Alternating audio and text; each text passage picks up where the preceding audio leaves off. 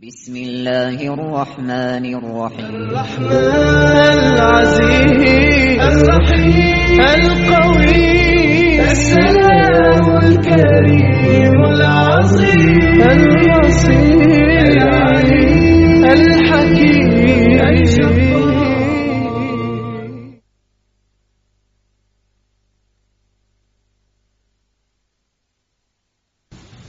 بسم الله الرحمن الرحيم.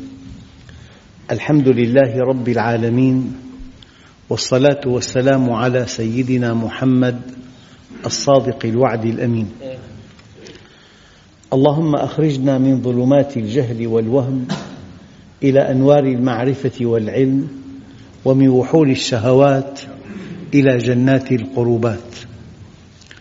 أيها الإخوة الكرام لا زلنا في اسم السيد والسيد لغة صفة مشبهة للموصوف بالسيادة.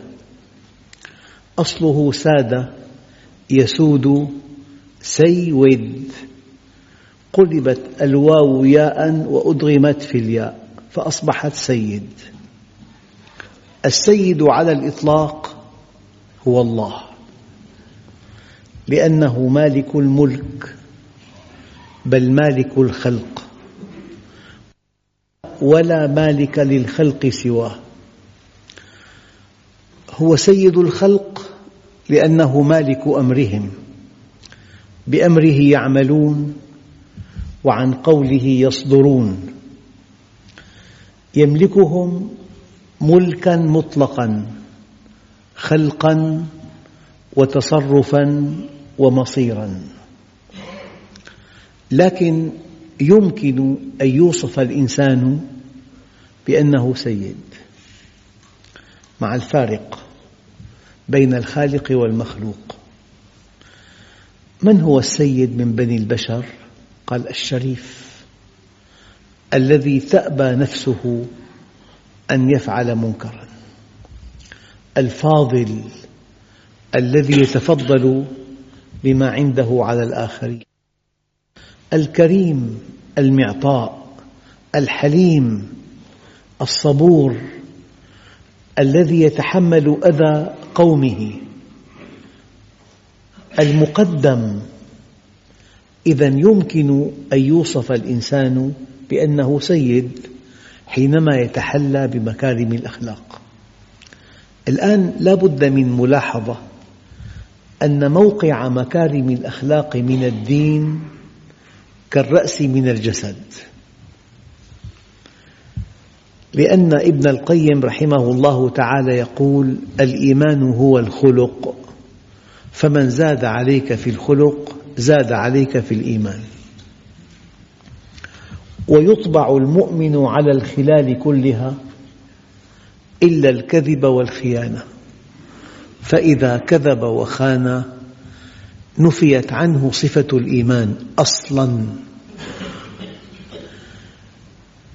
لكن الذي ينبغي أن يكون واضحاً هو أن النجاشي حينما سأل سيدنا جعفر عن الإسلام الآن دققوا في تعريف الإسلام من صحابي جليل تعريف الإسلام من صحابي جليل. قال أيها الملك كنا قوما أهل جاهلية نعبد الأصنام ونأكل الميت ونأتي الفواحش ونقطع الرحم ونسيء الجوار. هذه الجاهلية. حتى بعث الله فينا رجلا نعرف أمانته وصدقه وعفافه. بماذا وصف النبي؟ عليه الصلاة والسلام بصفات أخلاقية نعرف أمانته وصدقه وعفافه ونسبه.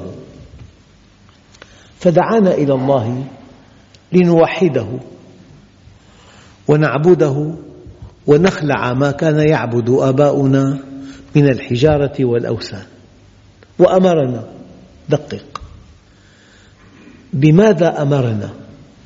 بصدق الحديث وأداء الأمانة وصلة الرحم وحسن الجوار والكف عن المحارم والدماء.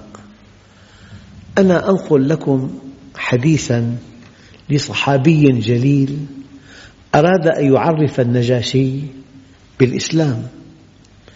إذا الإسلام مجموعة قيم أخلاقية. الإسلام بناء أخلاقي يستند إلى عبادات شعائرية. بني الإسلام على خمس. الإسلام شيء والخمس شيء آخر. هذه دعائم. هذه الدعائم لا تسمى بناء. هي أساسات بناء. لكن البناء هو الأخلاق. بني الإسلام على خمس.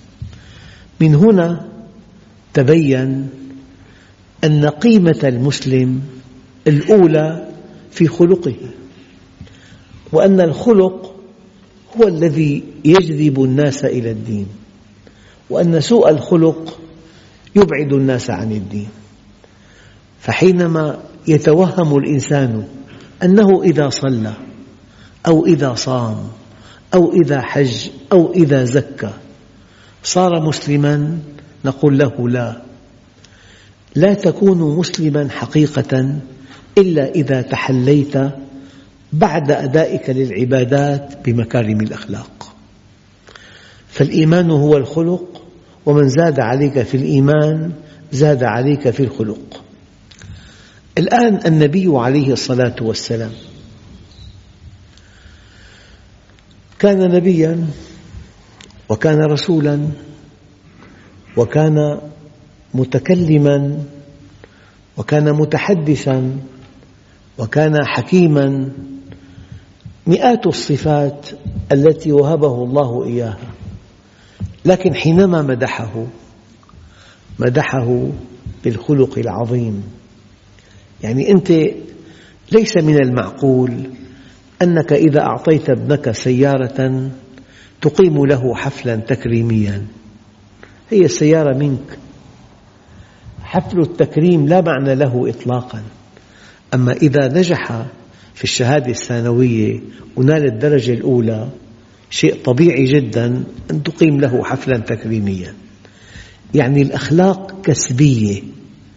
لذلك كل الصفات الرائعة التي تحلى بها النبي حينما جاء مكان مدحه مدح بخلقه العظيم.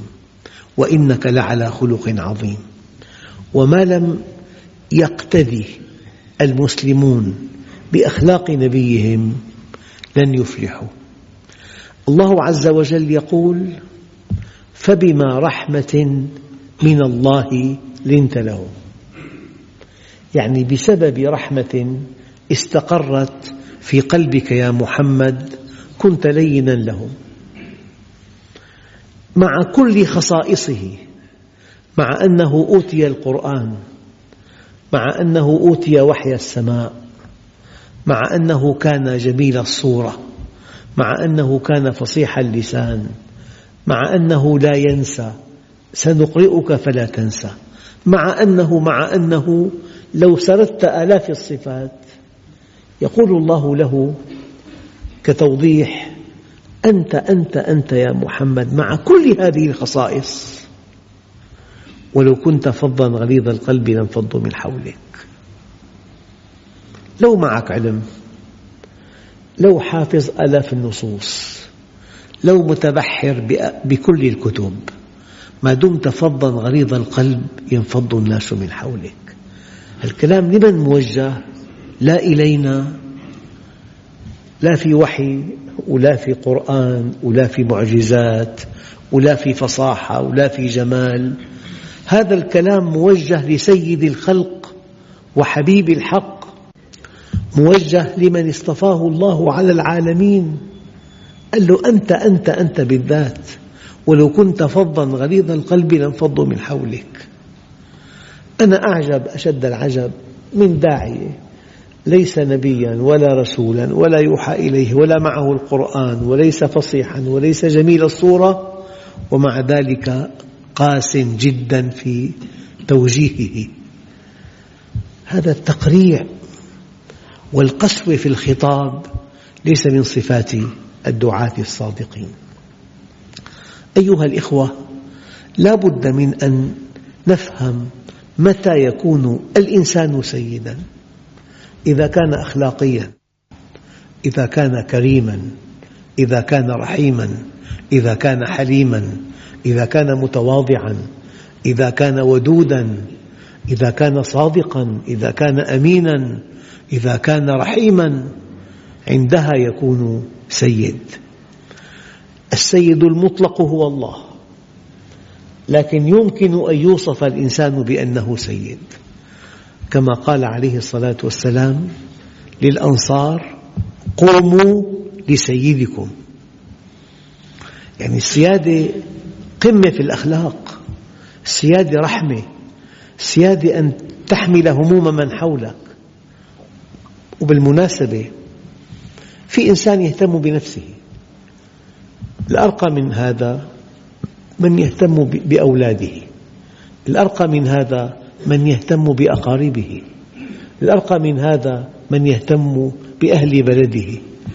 لكن النبي عليه الصلاة والسلام كان يحمل هم البشرية. ويقول لو تعلمون ما أعلم لبكيتم كثيرا. ولضحكتم قليلا. فكلما ارتفع مقامك تزداد وتتسع دائرة اهتمامك. كلما ارتفع مقامك تزداد وتتسع دائرة اهتمامك. فالذي يخرج من ذاته ليحمل هم المسلمين ليخفف عنهم أعباءهم ليدعوهم إلى الله عز وجل ليبين لهم هذا الإنسان له عند الله مقام خطير. ولئلا يترسخ في أذهاننا مفهوم ما أراده الله. أن الإسلام عبادات ضغط الإسلام إلى عبادات. والله أيها الإخوة هناك مفارقات حادة جدا في حياتنا. تجد إنسان صائم مصلي من رواد المساجد وليس هناك من علاقة بين هويته كمسلم وعقيدته وبين سلوكه غربي في احتفالاته في كسب ماله في تجارته مادة محرمة مشبوهة بجوز ما بجوز بفائدة بغير فائدة. هذا الشرخ العظيم بين حقيقة الدين وبين واقع المسلمين. شيء مقلق يعني مليار وخمسمئة مليون مسلم في الأرض ليس أمرهم بيدهم. ليس أمرهم بيدهم. وللطرف الآخر عليهم ألف سبيل وسبيل. لماذا؟ لأن أمر الله هان عليهم فهانوا على الله. في اللحظة التي تتوهم فيها أن الدين أن تصلي وأن تصوم وأن تحج وأن تزكي ولا شيء عليك بعد ذلك. افعل في بيتك ما شئت ولتخرج زوجتك بما يحلو لها من ثياب فاضحة. ولتجعل من ابنتك تتابع صرعات الأزياء وأنت راض عنها. وأن تتعامل بالأمور التجارية تعاملا غير إسلامي. هنا المشكلة الكبيرة.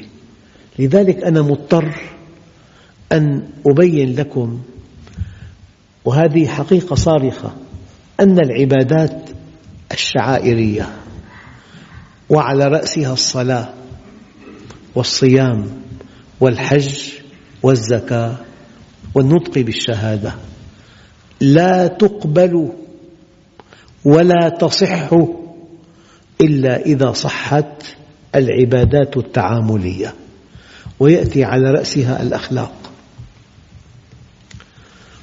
وفي الدين دليل ولولا الدليل لقال من شاء ما شاء. لك أن تقول برأيك في أي موضوع إلا في الدين. إن هذا العلم دين فانظروا عمن تأخذون دينكم. ابن عمر دينك دينك إنه لحمك ودمك. خذ عن الذين استقاموا ولا تأخذ عن الذين مالوا. والله أيها الإخوة الأحاديث والآيات التي سوف أضعها بين أيديكم تقسم الظهر إن وعينا أبعادها. النبي عليه الصلاة والسلام يسأل أصحابه سؤال دقيق من المفلس؟ مفلس. فقالوا بشكل أولي المفلس من لا درهم له ولا متاع. قال لا. المفلس من أتى بصلاة وصيام وصدقة. وقد ضرب هذا وشتم هذا وأكل مال هذا فيأخذ هذا من حسناته وهذا من حسناته وهذا من حسناته. فإذا فنيت حسناته طرحوا عليه سيئاتهم حتى يطرح في النار. انتهت الصلاة. إن الصلاة تنهى عن الفحشاء والمنكر ولذكر الله أكبر. فإذا لم تنهى الصلاة عن الفحشاء والمنكر لن تستطيع أن تقطف من ثمارها شيئا. إنها حركات وسكنات وإشارات وتمتمات. وهي أقرب إلى الطقوس منها إلى العبادات. حقيقة خطيرة. يؤتى برجال يوم القيامة لهم أعمال كجبال تهامة. يجعلها الله هباء منثورا. قيل يا رسول الله جلهم لنا. قال إنهم يصلون كما تصلون ويأخذون من الليل كما تأخذون. ولكنهم إذا خلوا بمحارم الله انتهكوها. الصلاة. الصيام من لم يدع قول الزور والعمل به فليس لله حاجة في أن يدع طعامه وشرابه. رب صائم ليس له من صيامه إلا الجوع والعطش. ثلاثين يوم صام. الحج إذا حج المرء بمال حرام في أموال مغتصبة في حقوق لم تؤدى في واجبات لم تؤدى وحج بمال حرام ووضع رجله في الركاب وقال لبيك اللهم لبيك ينادى ألا لبيك ولا سعديك وحجك مردود عليك. الزكاة انفاق المال. قل أنفقوا طوعا أو كرها لن يتقبل منكم. إنكم كنتم قوما فاسقين. النطق بالشهادة. من قال لا إله إلا الله بحقها دخل الجنة. قيل وما حقها؟ قال أن تحجزه عن مفاسد الأخلاق عن معاصي الله عز وجل. أيها الإخوة الشيء الدقيق جدا من أجل أن نوفر وقتنا وأن نوفر جهدنا وأن نكون واعين تماما لما سوف ينتظرنا العبادات الشعائرية التي يحرص الناس عليها لا تقبل ولا تصح إلا إذا صحت العبادات التعاملية. من صدق وأمانة وعفة وأداء للحقوق وعفو وما إلى ذلك. لذلك الله عز وجل هو السيد لأنه مالك الخلق أجمعين مالك الملك والله عز وجل سيد لأنه مالك ملكا مطلقا خلقا وتصرفا ومصيرا. والإنسان يوصف بأنه سيد إذا كان شريفا إذا كان كريما إذا كان فاضلا إذا حمل هم أمته إذا تحمل أذى قومه إذا كان محسنا يوصف بأنه سيد. فلذلك ولله الأسماء الحسنى فادعوه بها. يعني تقرب إلى الله تقرب إلى السيد المطلق الله جل جلاله بأن تكون سيدا في قومك. تقرب إلى الله السيد المطلق الذي ملك كل الخلق بأن تكون سيدا في قومك يعني متميزا بأخلاقك بوفائك بحلمك برحمتك بتواضعك. لذلك أقرب شيء تتقرب به إلى الله أن تتخلق بكمالات الله. أقرب وسيلة وأجدى وسيلة في التقرب إلى الله أن تتخلق بكمالات الله. الله سيد وكن أنت سيدا في قومك. بكل مجتمع أيام بأسرة كبيرة بمجتمع صغير في شخص كبير كبير جدا. أكبر من أكبر مشكلة. له قلب كبير. يتضاءل أمامه كل عظيم. وفي إنسان صغير جدا له قلب صغير. يعظم عليه كل حقير. فلان لك فلان كبير. يعني لا يستفز. كبير لا يخون. كبير لا يكذب. كبير لا يؤذي. كبير لا يحتال كبير. فالله عز وجل سيد ومن أجل أن تتقرب إليه ينبغي أن تكون أنت أيضا سيدا في قومك. أخواننا الكرام في تساؤل لا بد من أن أجيب عنه. إن الأسماء الحسنى التي أدرجت بعد الحديث النبوي الصحيح الشريف والذي ورد في الصحيحين في البخاري ومسلم من حديث أبي هريرة رضي الله عنه أن رسول الله صلى الله عليه وسلم قال إن لله تسعة وتسعين اسما من أحصاها دخل الجنة. هذا الحديث في أعلى درجات الصحة. في صحيح البخاري ومسلم. رواه الشيخان. ولكن جاء بعده تسعة وتسعون اسما.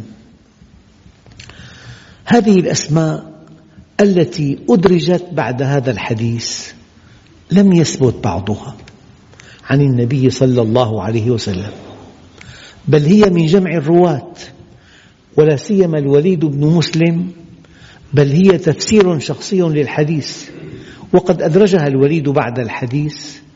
وألحقها وألصقها به. وظن أغلب الناس أنها نص من كلام النبي. ولكن العلماء الراسخين قديما وحديثا لا يخفى عليهم ذلك. وقد أجرى الدكتور محمود عبد الرزاق الرضواني جزاه الله خيرا دراسة علمية استقصائية لما ثبت من الأسماء وما لم يثبت اعتمد شروطا لصحتها من هذه الشروط أن يرد الاسم نصا في القرآن الكريم والسنة الصحيحة وأن تراد به العلمية وأن يكون مطلقا من كل قيد وأن يكون وصفا ودالا على كمال الوصفية. وقد اعتمدت هذه الدراسة في اختيار الأسماء الثلاثين التي تم شرحها حتى الآن. فجزاه الله عنا خيرا ثانية. وسوف نتابع إن شاء الله الأسماء الحسنى في الدروس القادمة. ويمكن أن نقول هذه الكلمة الدقيقة أن أوسع باب نتعرف منه إلى الله وأن أقصر طريق إلى الله فضلا عن التفكر في خلق السماوات والأرض أن نتعرف إلى أسماء الله الحسنى. إن أسماء الله الحسنى تقع في صدر معرفة الله عز وجل. ومرة ثانية أنت حينما تعرف أسماء الله الحسنى تتوجه إليه. ولله الأسماء الحسنى فادعوه بها. أنت حينما تتعرف إلى أسماء الله الحسنى تتقرب إلى الله. وأنت حينما تتعرف إلى أسماء الله الحسنى تدعوه بها وأكمل شيء أن يكون لك نصيب من كل اسم من أسماء الله الحسنى الله رحيم هل ترحم من دونك؟ الله عز وجل لطيف هل تتلطف بأهلك؟ الله عز وجل كريم هل أنت جواد؟ هذه الأسماء الحسنى قمم في الكمال والله عز وجل لا يمكن أن تنتمي إليه وأن تكون عبدا من عباده وأن تكون مسلما حقيقة إلا إذا تخلقت بهذه الأخلاق. فلهذا أيها الإخوة موقع الأسماء الحسنى من العقيدة موقع خطير جدا. بها تعرف الله وبسببها تدعوه وعن طريق التخلق بكمالات الله التي هي من أسمائه الحسنى تتقرب إليه. فهذا الموضوع يمكن أن يكون رأسا في موضوعات العقيدة موضوعات معرفة الله عز وجل وأصل الدين معرفته. وابن آدم اطلبني تجدني فإذا وجدتني وجدت كل شيء وإن فتك فاتك كل شيء وأنا أحب إليك من كل شيء والحمد لله رب العالمين. بسم الله الرحمن الرحيم. الحمد لله رب العالمين والصلاة والسلام على سيدنا محمد الصادق الوعد الأمين. اللهم أعطنا ولا تحرمنا أكرمنا ولا تهنا آثرنا ولا تؤثر علينا أرضنا وارض عنا. وصلى الله على سيدنا محمد النبي الأمي وعلى آله وصحبه وسلم والحمد لله رب العالمين الفاتحة